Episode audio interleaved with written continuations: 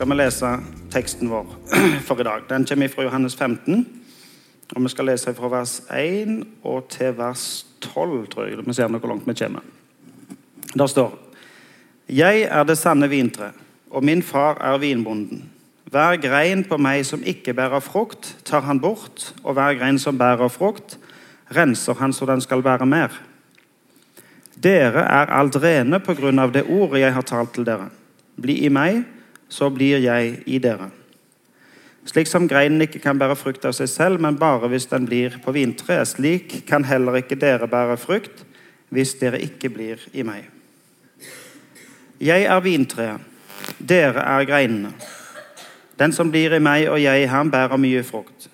For uten meg kan dere ingenting gjøre. Den som ikke blir i meg, blir kastet utenfor som en grein og visner. Og greinene blir samlet sammen og kastet på ilden, og de brenner. Hvis dere blir i meg, og mine ord blir i dere, be da om hva dere vil, og dere skal få det. For ved dette blir min far æret, at dere, dere bærer mye frukt og blir mine disipler. Som far har elsket meg, har jeg elsket dere. Bli i min kjærlighet. Hvis dere holder mine bud, blir dere i min kjærlighet, slik jeg har holdt min fars bud og blir i hans kjærlighet. Dette har jeg sagt dere for at min glede kan være i dere, og deres glede kan bli fullkommen.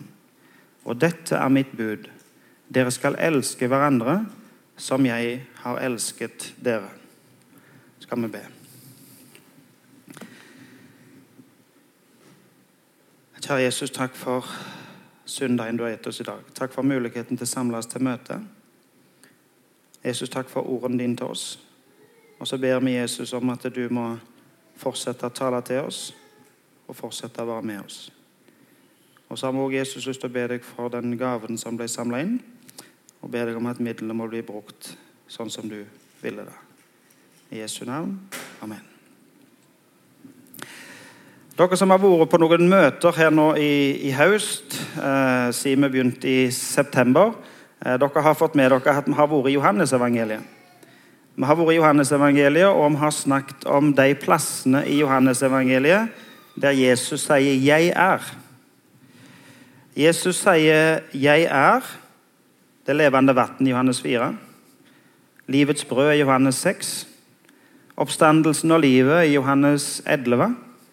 Han sier at han er porten og den gode hyrde i Johannes 10. Han sier at han er veien og sannheten og livet i Johannes 14. Og i dag så er vi kommet til det sanne vintre i Johannes 15. Jesus sier han er det sanne vintre. Altså Det er én igjen. Det kan være sånn gåte, men det er én igjen som jeg har spart til litt nærmere jul. For den passer gang ganske godt når det nærmer seg jul.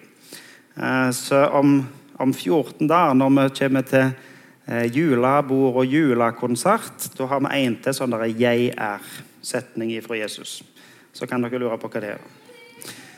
Uh, Jesus bruker begreper fra Gamle testamentet.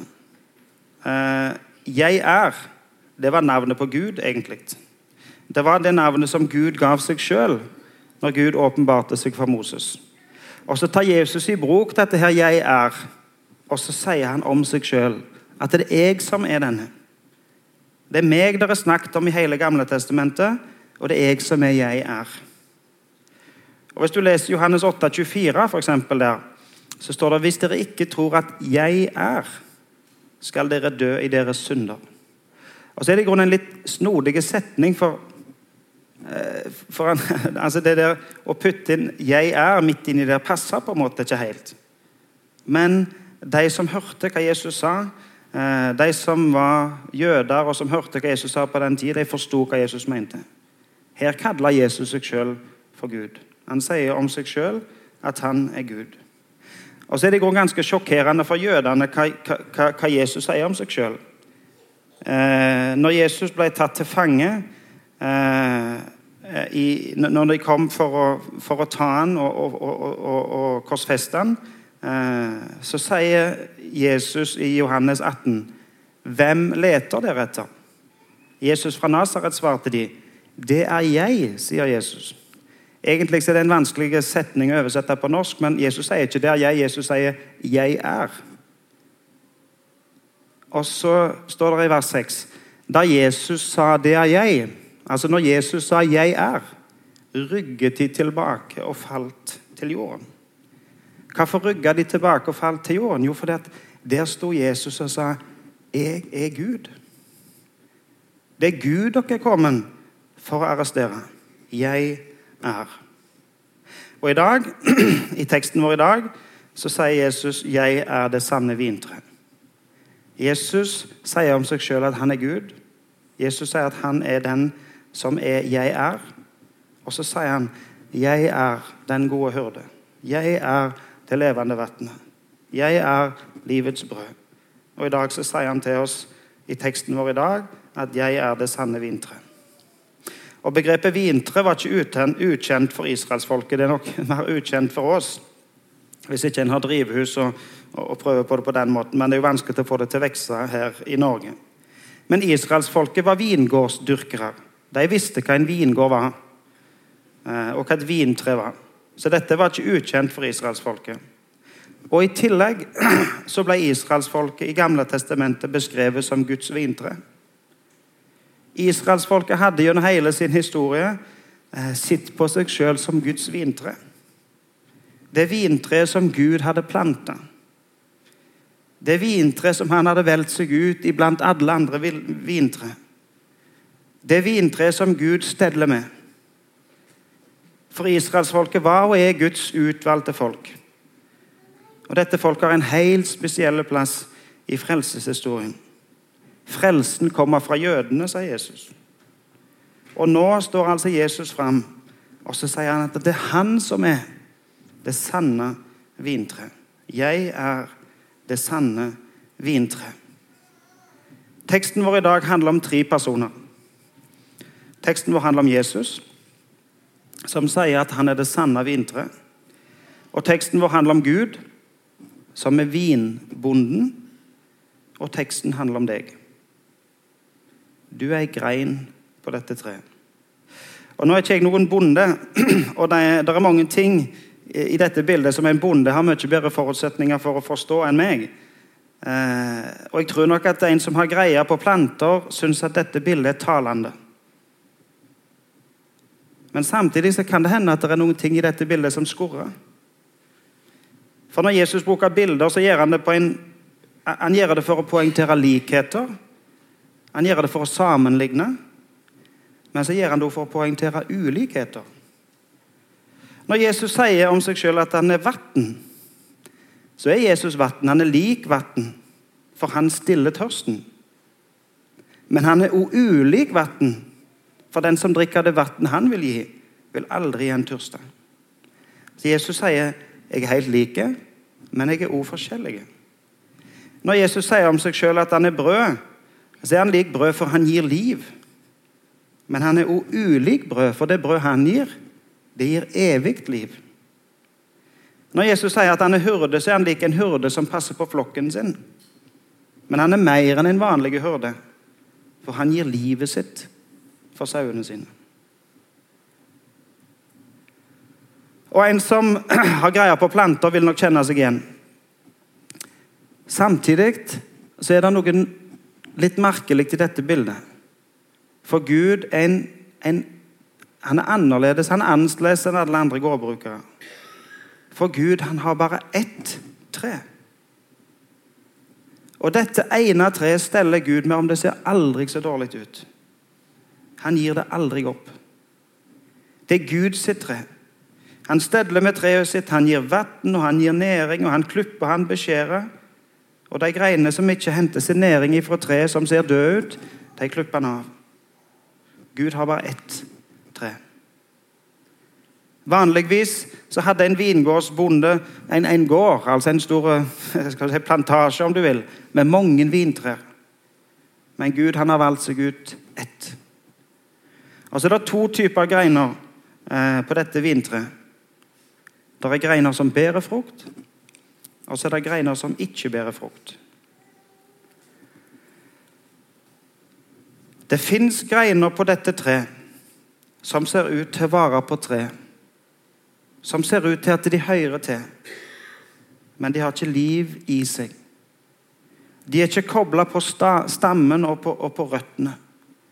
De, de, klarer ikke å hente næring fra røttene og fra stammen i treet. Jesus er treet, og for å ha liv så må livet komme ifra Han. Den som ikke blir i meg, står det her i vers 6. Den som ikke blir i meg, blir kastet utenfor som en grein og visner. Og greinene blir samlet sammen og kastet på ilden, og de brenner. Det fins to typer greiner. Det fins de som ikke har liv i seg, og som ikke bærer frukt. Og så fins det de som bærer frukt. Eh, hver grein, som, hver grein på meg som ikke bærer frukt, tar han bort. Så Gud handler med, Gud jobber med treet sitt, Gud stedler med treet sitt. Og han tar vekk de greinene som ikke bærer frukt. Men Gud handler ikke bare med de greinene som ikke bærer frukt. Og kanskje merker de det minst, de som ikke bærer frukt. Altså, Ei død grein kjenner jo ikke når kniven skjærer. Men de levende greinene, de som bærer frukt, de som får liv ifra stammen, de jo blir beskorne for at de skal bære mer frukt. Gud handler med de levende greinene for at de skal bære mer frukt. Gud handler med deg.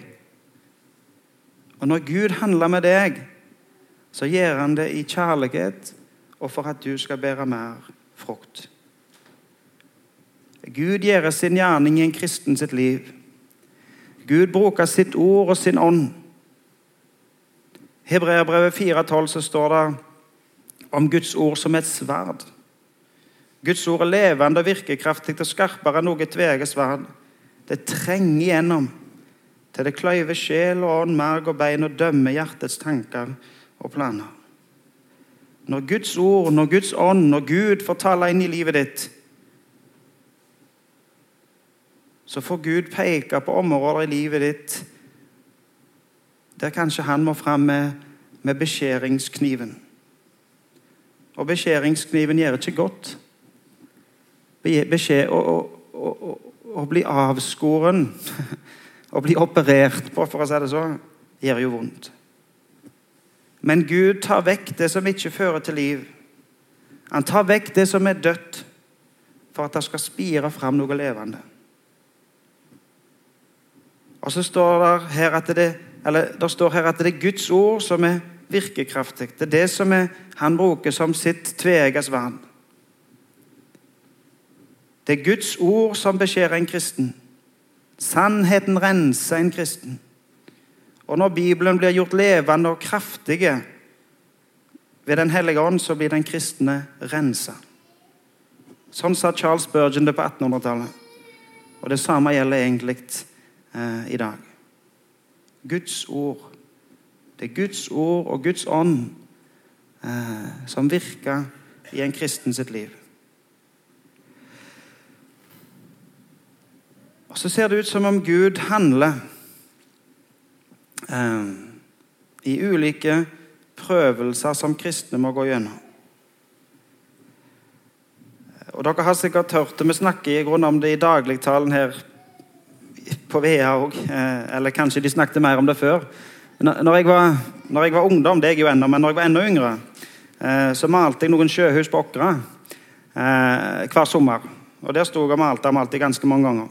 Og Der nede på kaien der bodde der en, en gammel mann og Han gamle mannen han kom ned og snakket. Han var nok litt lagsjuk, så han kom ned og snakket med meg i, i ny og ne. Eh, og vi snakket mye om, om bedehus og om, om ja. Eh, og så gikk det en stund. Han, kom han ikke ned. Eh, og jeg syntes det var litt underlig at han ikke kom, men en dag så kom han. Og Så skulle han forklare hvorfor han ikke hadde vært der på lenge. Og så sa han at du skjønner det at jeg, jeg ble tatt avsides. Jeg ble tatt av, sies. Og mens jeg lå der på sykehuset, sa han, så var det som om Gud sendte sine engler til meg. Skulle sitte alle englene jeg traff der på sykehuset, eh, som var der og som, som sørga for meg. Det er jo klart Du kan godt blande inn, eller sammenligne sykepleiere i hvite klær med engler, men han syntes han var blitt tatt avsides. Og så hadde Jesus sendt han noen engler som hadde vært med han der på sykehuset. Her i 1. Peter 1, og vers 6 og vers 7, eh, så sier Peter at dere kan juble av glede, selv om dere nå en kort tid om så måtte være har det tungt i mange slags prøvelser. Slik blir troen deres prøvet. Selv forgjengelig gull blir prøvet i ild. Og troen som er mye mer verdt, må også prøves, så det kan bli til pris og herlighet og ære for dere når Jesus Kristus åpenbarer seg. Nå må dere juble av glede fordi at dere har mange slags prøvelser. For tenk på det sånn at det, når dere går gjennom prøvelser, så er det troen deres som blir prøvet. Og til og med gull blir prøvet i ild. Og troen er enda mer verdt. Og sånn eh, la Gud true vår bli prøvet. Paulus sier noen underlige ord til menigheten i Korint. Han sier det at eh, han skrev et brev. Altså Når vi i 2. Korinterbrev kapittel 7 og så sier han i 2. Korinterbrev at han skrev et brev tidligere som de ble sorgfulle av.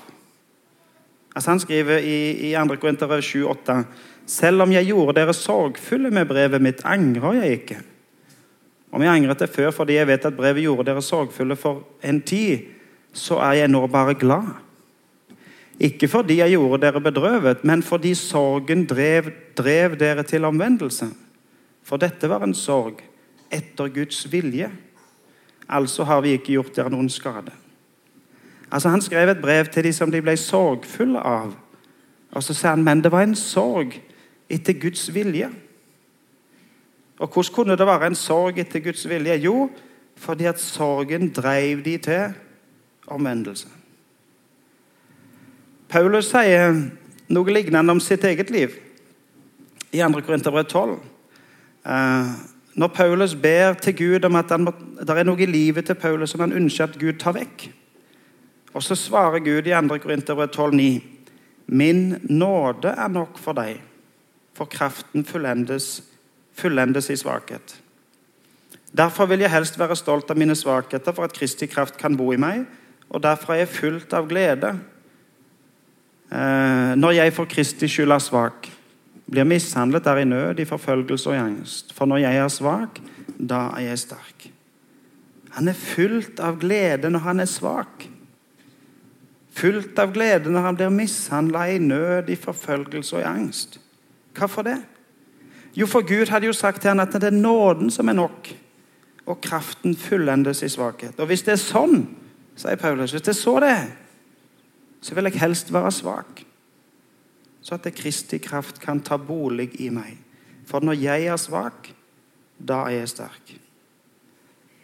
Jeg må innrømme at her er det noe som jeg syns er vanskelig til å forstå. Men jeg skjønner i alle fall såpass at Jesus vil at vi skal være totalt avhengige av Han. Og det ser ut som om at i de situasjoner der vi er mest avhengige av Han, der får Jesus mest mulighet til å handle med oss. Hør bare hva Bibelen sier i Hebrevet 12. Hebrevet 12 og vers 4. I kampen mot synden har dere ennå ikke gjort slik motstand at det kostet blod.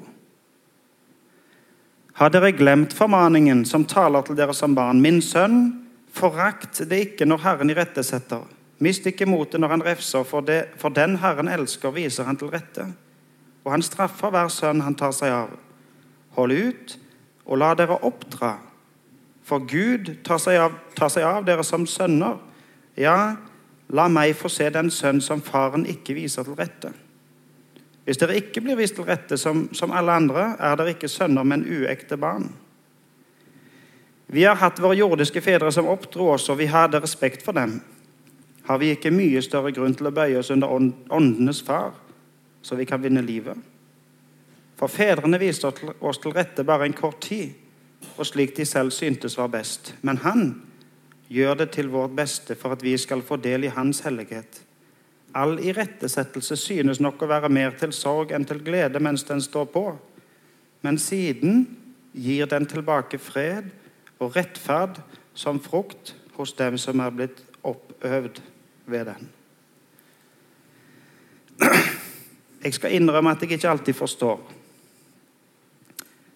at Gud lar oss gå gjennom mange slags prøvelser, som det sto i det verset vi leser.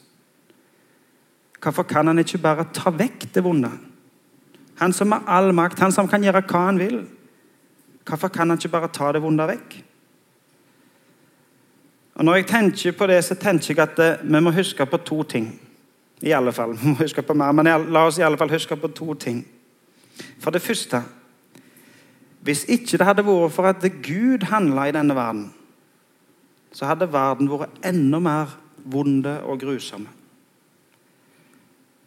Det skal til, det skal ikke så mye historielesning til for å skjønne at mennesker kan gjøre utrolig mye vondt.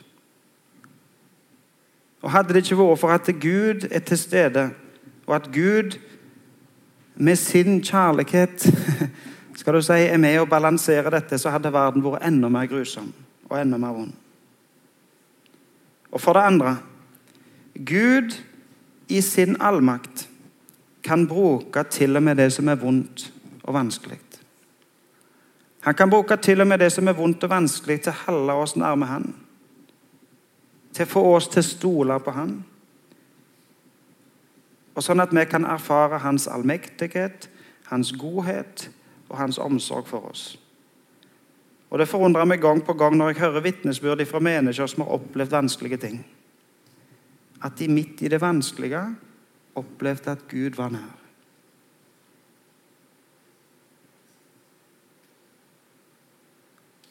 så kan det tenkes at det er noe i ditt liv som du opplever vanskelig. Kanskje det er noe i ditt liv som du ikke forstår. Og så ber du til Gud, og så skjønner du ikke at du må gå gjennom akkurat dette. Da er det ikke sikkert at det er en trøst for deg å høre at Gud har en plan. Gud har nok en mening med det. Men jeg har, jeg har, lyst til å gi deg noen råd. Jeg har lyst til å gi deg råd om å rope til Gud. Å invitere Gud inn i det som er vanskelig. Og Når du som Guds barn inviterer Gud inn i det som er vanskelig, så, så trenger du ikke ha velformulerte bønner. Du trenger ikke si det korrekt og med skal du si, eh, opplest og vedtatte regler. Du kan til og med klage til ham. Du kan til og med være sint på ham. For han har sagt, 'Kom til meg, du som strever'. Du som har tungt å bære, kom til meg. Og så vil han gi deg hvile. Rop til Gud og lukk Jesus inn i vanskelighetene dine. Det var det første rådet. Det andre rådet jeg har lyst til å gi, Spør om noen vil be for deg. Eh, spør ganske enkelt kan du be for meg nå.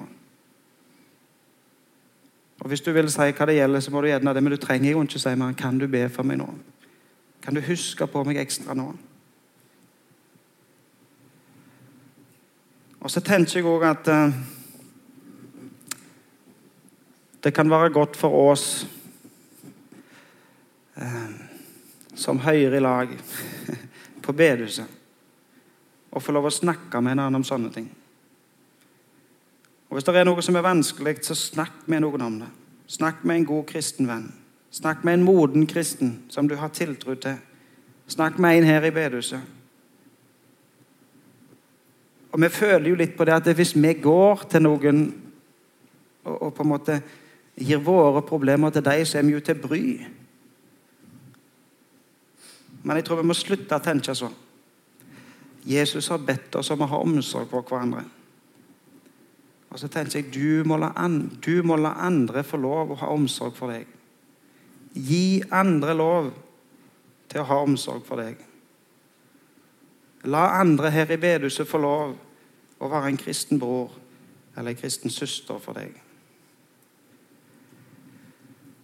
Jesus vil at du skal være ett med han. Han vil at livet som han gir, kan strømme inn i deg. Som et tre, der han er rotet, der han er stammen, der han gir liv. Der er, du grein, der er vi greinene. Og alt henger sammen. Alt blir til sammen et tre. Og Jesus gir oss dette bildet for å vise oss hvordan vi skal ha liv, og hvordan vi skal bære frukt. Når vi hører til på treet, når vi får næring ifra stammen, ifra rotet, så har vi liv. Og så bærer vi frukt. Åndens frukt. Kjærlighet, glede, fred, overbærenhet, vennlighet, godhet, trofasthet, ydmykhet og selvbeherskelse. Jesus ønsker at vi skal bære gode frukter. Og Jesus ønsker å handle i våre liv så at vi kan bære mer frukt.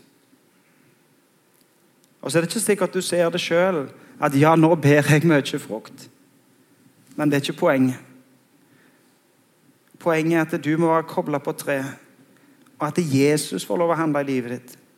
Og så skal ikke du måle eller vege eller finne ut hvor mye frukt du bærer. Men du må sørge for at du er kobla på og så er det Jesus som gjør den jobben. Det er Jesus som sørger for frukten. Det er Jesus som gir liv. Og så får du bære eh, frukt. Bli i meg, så blir jeg i dere. Slik som greinen ikke kan bære frukt av seg selv, men bare hvis den blir på vintre, slik kan heller ikke dere bære frukt hvis dere ikke blir i meg. Jeg er vintre, dere er greinene. Den som blir i meg og jeg i ham, bærer mye frukt. For uten meg kan dere ingenting gjøre. Jeg sa det at det er litt underlig at Gud bare har ett tre. Men hvorfor har Gud bare ett tre? Gud har bare ett her, for det finnes bare én vei. Jeg er veien, sannheten og livet. Det finnes bare én hyrde. Jeg er hyrden, sa Jesus. Det finnes bare én port. Jeg er porten sa Jesus. Og det fins bare ett tre. Det er mange greiner på det treet, men det er bare ett tre. Det er kun ett legeme. Det er mange lemmer, mange kroppsdeler på samme kroppen, men det er bare ett legeme. Den gode hyrde har én flokk, og det er mange ulike sauer i den flokken, men, men det er én flokk, og det er én hyrde. Og Det fins mange forskjellige mennesker som hører til i Guds rike. Mange små og store flokker rundt omkring i verden, sånn fysisk sett. Men samla sett så hører alle disse til den ene flokken som Jesus kaller sin. Alle lemmer er lemmer på det samme legemet. Alle greiner er greiner på det samme treet. Og I den store flokken er det mange forskjeller. Altså Vi er skilt av geografi og, og kultur og språk. Men det er òg forskjellige personligheter, egenskaper og evner. Men vi har alle samme hurden. Og vi hører alle til på det samme treet. Hvis dere blir i meg, og mine ord blir i dere, be da om hva dere vil, og dere skal få det. Det er noen utrolige løfter i denne teksten. Når du blir i meg, sa Jesus, så skal du bære frukt. Og så sier han her, her kan du be om hva du vil, og så skal du få det. Det fins noen ufattelige løfter i bønn i Bibelen. Så rike og ufattelige at det, jeg, jeg, jeg, klarer jo ikke å tro at det er sant. Og så må jeg stille meg spørsmål er det sant. Går det an? Kan jeg be om hva jeg vil? Og Selv om jeg går med disse spørsmålene, og selv om jeg spør meg selv hvordan er dette egentlig, så er jo han som ber meg om å komme, han er den samme. Han som sier 'be om hva dere vil', han er den samme. Han har ingen spørsmål. Han som sier 'kom til meg'. Selv om jeg har spørsmål, så har ikke han spørsmål. Og selv om jeg sier til Jesus jeg skjønner ikke dette, men jeg ønsker å komme, så, så, så, stiller ikke han eh, tvil med det. Jesus sier 'kom til meg'. Be til meg. Var i meg. Og la Jesus få lov å ha omsorg for oss. La Jesus få lov å ta seg av det der med hvordan virker dette, hvordan gir han bønnesvar? Er det virkelig så? Det er jo klart Vi kan ha mange spørsmål, men Jesus ønsker eh, å være der for oss likevel. Jesus ønsker å gi oss svar.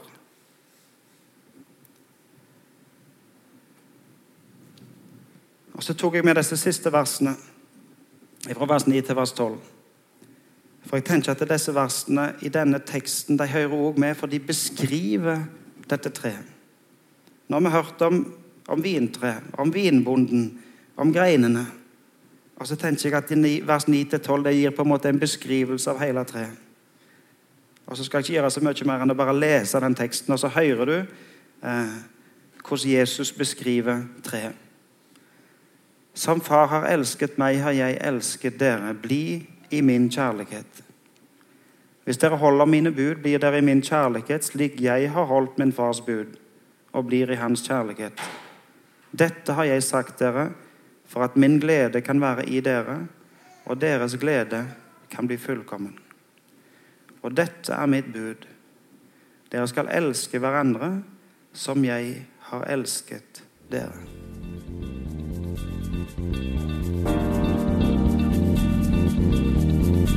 thank